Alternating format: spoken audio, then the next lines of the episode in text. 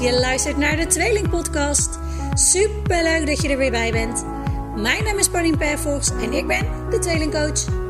Ik neem jullie tijdens deze podcast mee op mijn avonturen als coach voor tweelingouders bij het positief en ontspannen opvoeden van hun tweeling. Maar ik vertel natuurlijk ook alles over mijn eigen ervaringen als tweelingmama. Onze één eigen meisjestweeling is vijf. En ik geef jullie de beste tips en tricks voor het opvoeden en opgroeien van tweelingen. Want een tweelingenhuis is superleuk en bijzonder, maar brengt ook wel wat uitdagingen met zich mee. Ik heb er heel erg veel zin in. Ik hoop jullie ook. En ik wens jullie super veel luisterplezier.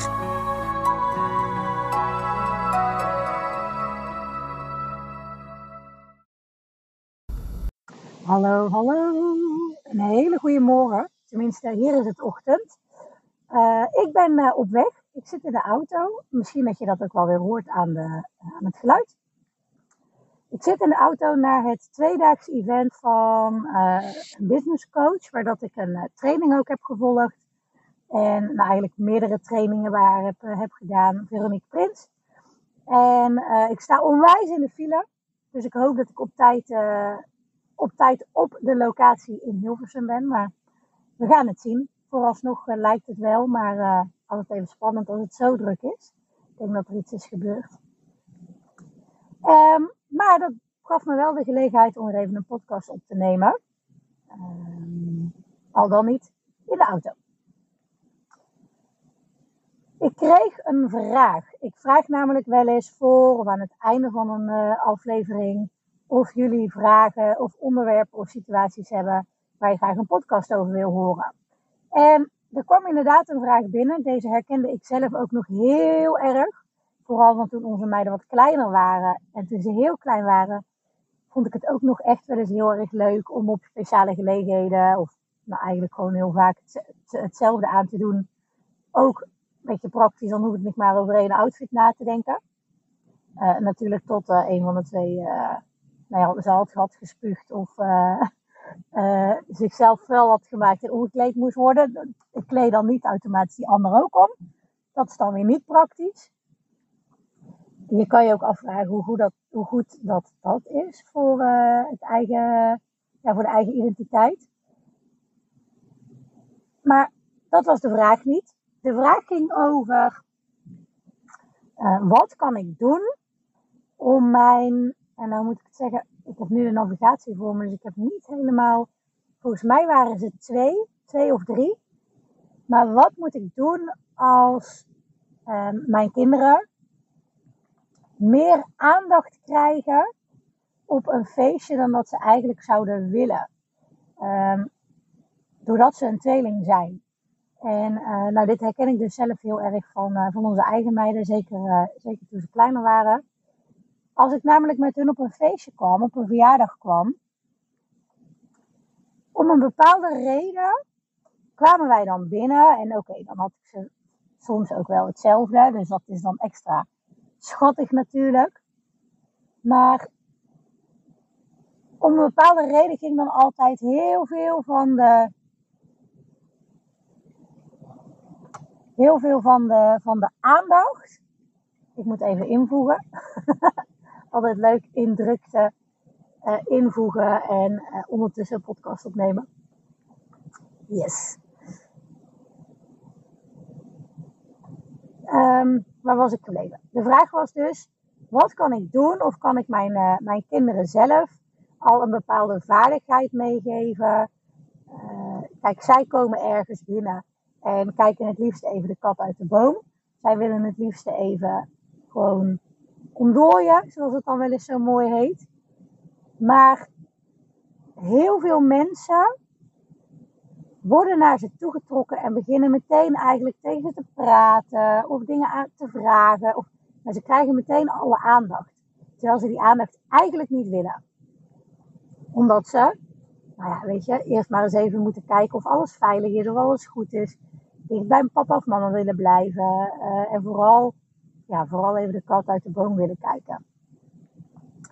En heel veel kinderen hebben dat. Mijn kinderen hebben dat nog steeds, maar hadden dat uh, zeker de eerste jaren ook. En dus ik begreep de vraag helemaal. wat doe je als alle aandacht gericht wordt op jouw tweeling, terwijl jouw tweeling eigenlijk even de kat uit de boom wil kijken?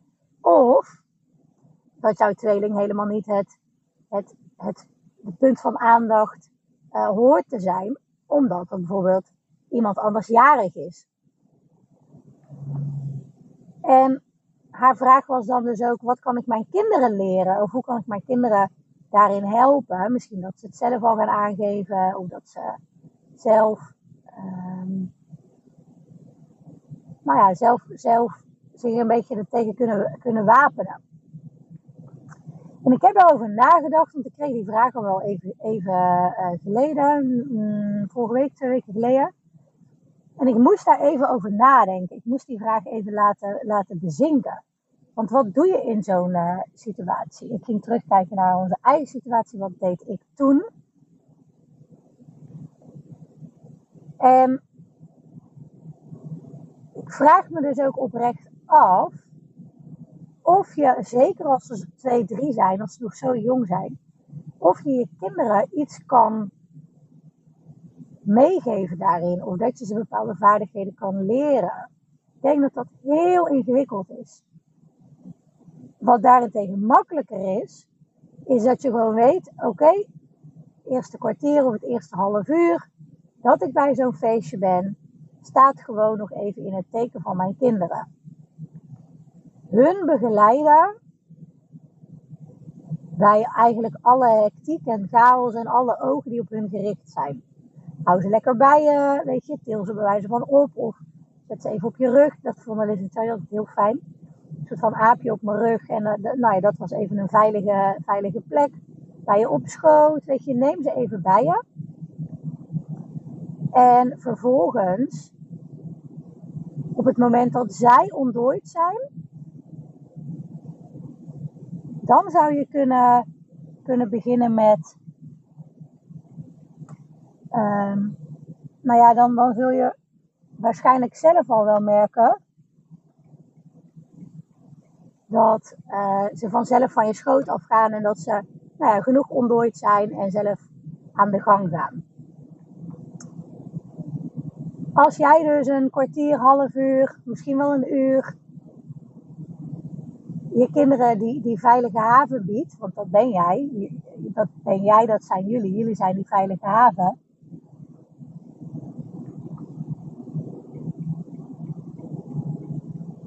Zo, nu sta ik helemaal goed. Uh, jullie zijn die veilige haven, ben dat, ben dat dan ook voor hun. En uh, geef ze eigenlijk de boodschap mee je mag bij mij blijven zitten, zolang als je wilt. Zolang als dat jij nodig hebt om je in deze ruimte, bij deze mensen, helemaal veilig te voelen. Dat stukje kan je meegeven. Daardoor voelen ze zich al een heel stuk zekerder. Is het allemaal wat minder spannend en minder uh, angstig. En uh, nou ja, weet je, weten ze ook gewoon dat ze op jullie kunnen vertrouwen.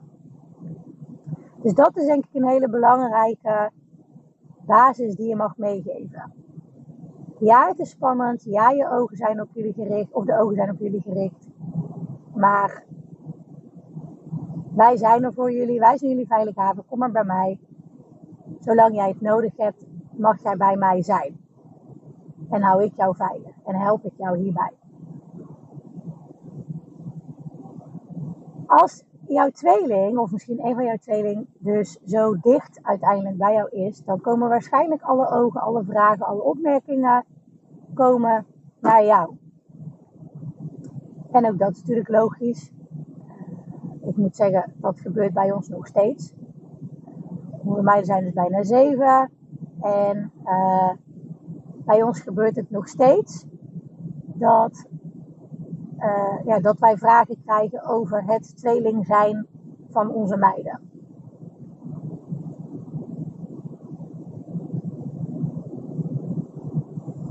En die vragen, die ogen, die aandacht die jij dan als volwassene krijgt, kan je natuurlijk veel beter handelen, kan jij veel beter op reageren dan dat jouw kinderen in staat zijn, jouw kinderen van twee, drie, misschien nog wel één, in staat zijn om daarop te reageren. En ik denk ook oprecht dat onze taak als tweelingouders ook is een stukje de buitenwereld meegeven. Uh, hoe zeg je dat? Eigenlijk de buitenwereld, uh, nou ja, onderwijzen, de, uh, ik zoek even het goede woord. De buitenwereld daarin, ehm, nou, ik kan niet op het woord komen. Voorlichten, ik denk dat dat het beste woord is de, de buitenwereld, de omgeving voorlichting geven over het tweeling zijn. En dat het dus niet uh, altijd leuk is om vergeleken te worden. Dat het niet altijd leuk is om alle aandacht te krijgen terwijl je die niet wil. Gewoon alleen maar puur omdat je een tweeling bent. En uh, dat is denk ik een vaardigheid die wij mogen voordoen aan onze kinderen, waardoor zij dat natuurlijk ook gaan zien en gaan leren. Op een rustige manier anderen uitleggen hoe het is om tweeling te zijn. En dat ze niet met elkaar vergeleken hoeven te worden. En dat het geen raadspelletje hoeft te zijn. En dat vooral bij één eigen tweeling. Dat het geen raadspelletje is of geen quiz is. Wie is wie? En ik heb hem hier al vaker genoemd.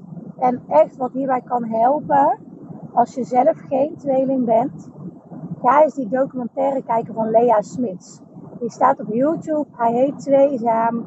Als je hem nog niet hebt gezien, ga hem kijken. Omdat uh, de documentaire die zij heeft gemaakt is heel erg uh, gezien vanuit het tweeling zijn.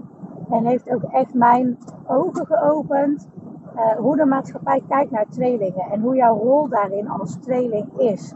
Want aan de ene kant geeft zij, maar ook andere tweelingen in haar documentaire aan, dat ze heel erg graag willen voldoen aan het plaatje van, van, van wat de maatschappij van tweelingen heeft, dat idyllische plaatje.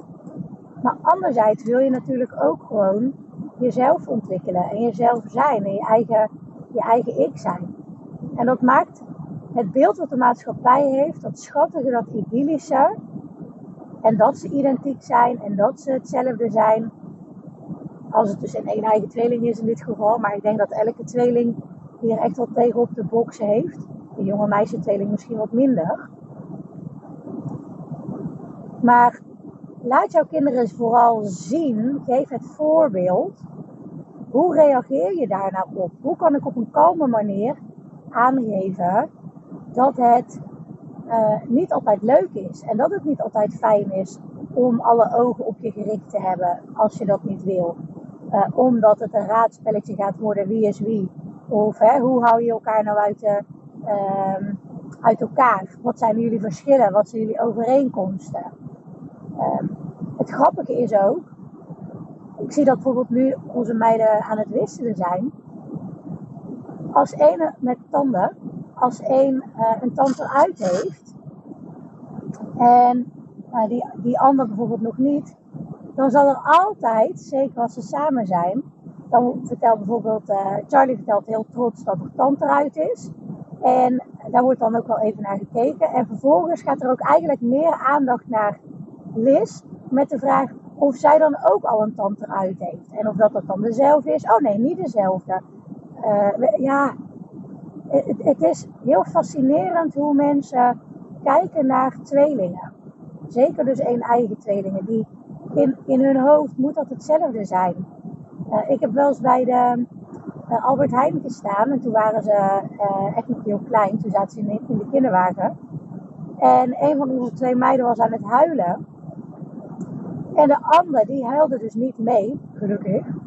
En ik zat bij de kassa en het was zeg maar mijn koekenij. Dus ik was lekker gewoon met mijn boodschapjes bezig. Ik wist wat er aan de hand was. Eigenlijk was er niet zoveel aan de hand. Dus ik liet het. En die dame achter de kassa was een beetje een oudere dame. En die dame achter de kassa had, die, die was echt vol verbazing aan het kijken. En die vroeg aan mij, is het geen tweeling? En zei ik, ja jawel, het is wel een tweeling. Oh, oh. Ja, omdat één wel huilt en de ander niet.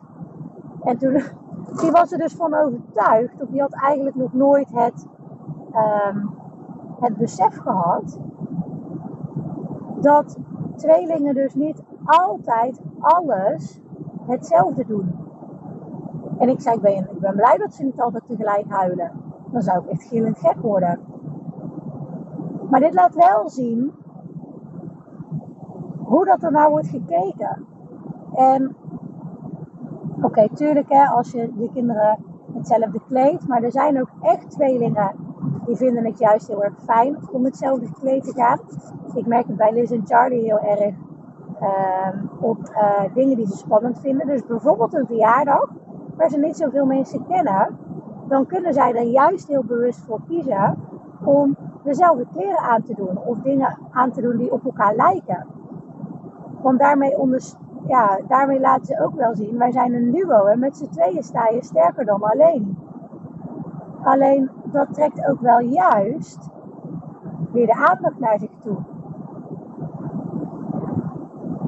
En dan is dus heel goed op hele jonge leeftijd, als die ogen dus gericht zijn op jullie tweeling, bijvoorbeeld op een verjaardag, en zij willen gewoon de kat uit de boom kijken, zij, zij, hè, zij zijn, uh, uh, moeten nog even ontdooien daarin. Hou ze lekker veilig bij je, ben die veilige haven en ben ook het voorbeeld van hoe je erop kan reageren. Dus als je allerlei vragen krijgt Um, of mensen gaan heel erg gericht naar de kinderen. Dan durf ook daarin eh, misschien wel je ouderrol te pakken, de verantwoordelijkheid te pakken en zeggen: joh, weet je, ze moeten nog heel even, even wennen hier. Ze willen even de kat uit de boom kijken. Uh, laat ze even. Stel je vragen maar aan mij, weet je, dat soort dingen. Stel je vragen maar aan mij. Als je iets wil weten, vraag het aan mij, vraag het aan aan hun vader. Maar laat de, laat de kindjes maar even met rust. Want die moeten vooral even ontdooien. Laat ze maar even. En nou ja, ga daar zelf ook eens over nadenken in welke situatie dit voor jou voorkomt. En um, ga misschien van tevoren ook al bedenken, oké, als dit gebeurt. En als er twintig man, zoveel heb ik nog nooit gehad, maar als er twintig man op mijn kinderen afstormen uh, om dingen te vragen, omdat ze iets willen weten, omdat ze een raadspelletje willen doen wie wie is, omdat ze nou ja, verschillen en, en overeenkomsten willen ontdekken. Uh, ga eens voor jezelf bedenken, wat kan, ik, wat kan ik zeggen? Hoe kan ik reageren? En weet dat, dat, weet je, wij zijn onze grootste voorbeeld voor onze kinderen. Wij zijn onze grootste, de grootste leermeesters voor onze kinderen. Wij leven als het ware het leven voor. Zij, zij leren door ons te kopiëren. Dus als jij wil dat je kinderen bepaalde vaardigheden leren, hoe je om kan gaan met die aandacht, ook al wil je hem niet, op hele jonge leeftijd, als ze één zijn, als ze twee zijn, als ze drie zijn, doe het vooral voor. Laat hen zien hoe je daar rustig op kan reageren. Hoef je ze daar niet eens in te Want alleen al dat jij het doet, dat kunnen ze van jou afkijken. En dat kunnen ze later meenemen als ze zelf groter zijn. En als ze wel hè, de leeftijd hebben en de taalvaardigheden hebben en, en, en, het zelfvertrouwen daarin hebben om uh, daarop te reageren, dan hebben ze van jou gezien hoe je dat op, op een fijne, kalme, manier kan doen. Een opbouwende manier. Een manier waarbij dat je dus ook anderen eigenlijk nou ja, uitlegt hoe het tweeling zijn in zijn voelsituatie is. Dat gezegd hebbende, hè, ik zei het net al, ik denk echt dat wij tweelinghouders een stukje voorlichting mogen geven over uh, hoe, het, hoe het leven van een tweeling is, maar ook hoe, ja, hoe zij het dus toch vaak proberen aan de ene kant proberen mee te gaan in, in het beeld wat de maatschappij en de omgeving, het idyllische beeld wat, wat iedereen heeft van twee dingen, wat ook zo gevoed wordt in de media. Ik denk dat wij echt een rol daarin hebben om dat uh, ja, toch wat om te buigen en mensen daarover te, te leren. En daarom heb ik bij deze besloten Ik ga dadelijk die documentaire nog een keer delen op Instagram. Maar ik ga hem ook delen met mijn familie en vrienden. En ik denk dat dat een hele goede is voor jou om ook te doen. En zoek hem even op op YouTube. Deel hem met familie, met vrienden, met je naasten. En zeg maar eens, oké, kijk maar eens. En je kan ook naar die documentaire terugrefereren als je, uh, nou ja, als je dus in zo'n situatie komt dat jouw tweeling eigenlijk meer aandacht krijgt dan dat ze of willen, of dan dat zou moeten in de situatie, omdat de aandacht eigenlijk veel meer uh, gericht moet zijn op iemand anders. Op een ander jarig jokje, op een ander ja, persoon waar dat die gelegenheid aan gericht is. En um, nou weet je, stuur ze dan ook eens die documentaire door. Ik denk echt dat we die documentaire heel mooi kunnen gebruiken om wat meer inzicht te geven in, in het tweeling zijn. Het heeft mij in ieder geval wel heel veel inzicht gegeven in hoe het is voor een tweeling. In een maatschappij die zo. Um, ja, die, die, die, die tweelingen zo. Ja, wat is daar dan ook weer het goede woord voor? Misschien wel voor afgoden. Ja. Nou, ik ga hem afsluiten, want ik ben alweer veel te lang aan het lullen. 20 minuten alweer. En um, bedankt voor het luisteren. Uh, ik ga hem lekker twee dagen onderdompelen in, uh, in mijn business. En um, weet ook dat je niet te veel van me kan verwachten op social media. Uh, en dat is helemaal niet erg. Ik, ik neem je vrijdag gewoon lekker mee in, in wat ik allemaal geleerd heb, gedaan heb. En dan, nou, dat. Ik zou zeggen, hele fijne dag. En uh, ik hoop dat je er iets moois van maakt. En als je dus zelf een uh, onderwerp hebt die je graag voorbij ziet komen hier in de podcast. Of als je het fijn vindt om een keer met me een gratis sparsessie te hebben van een half uurtje. Dan hoor ik dat graag. Let me know. Oké, bedankt voor het luisteren. Doei doei!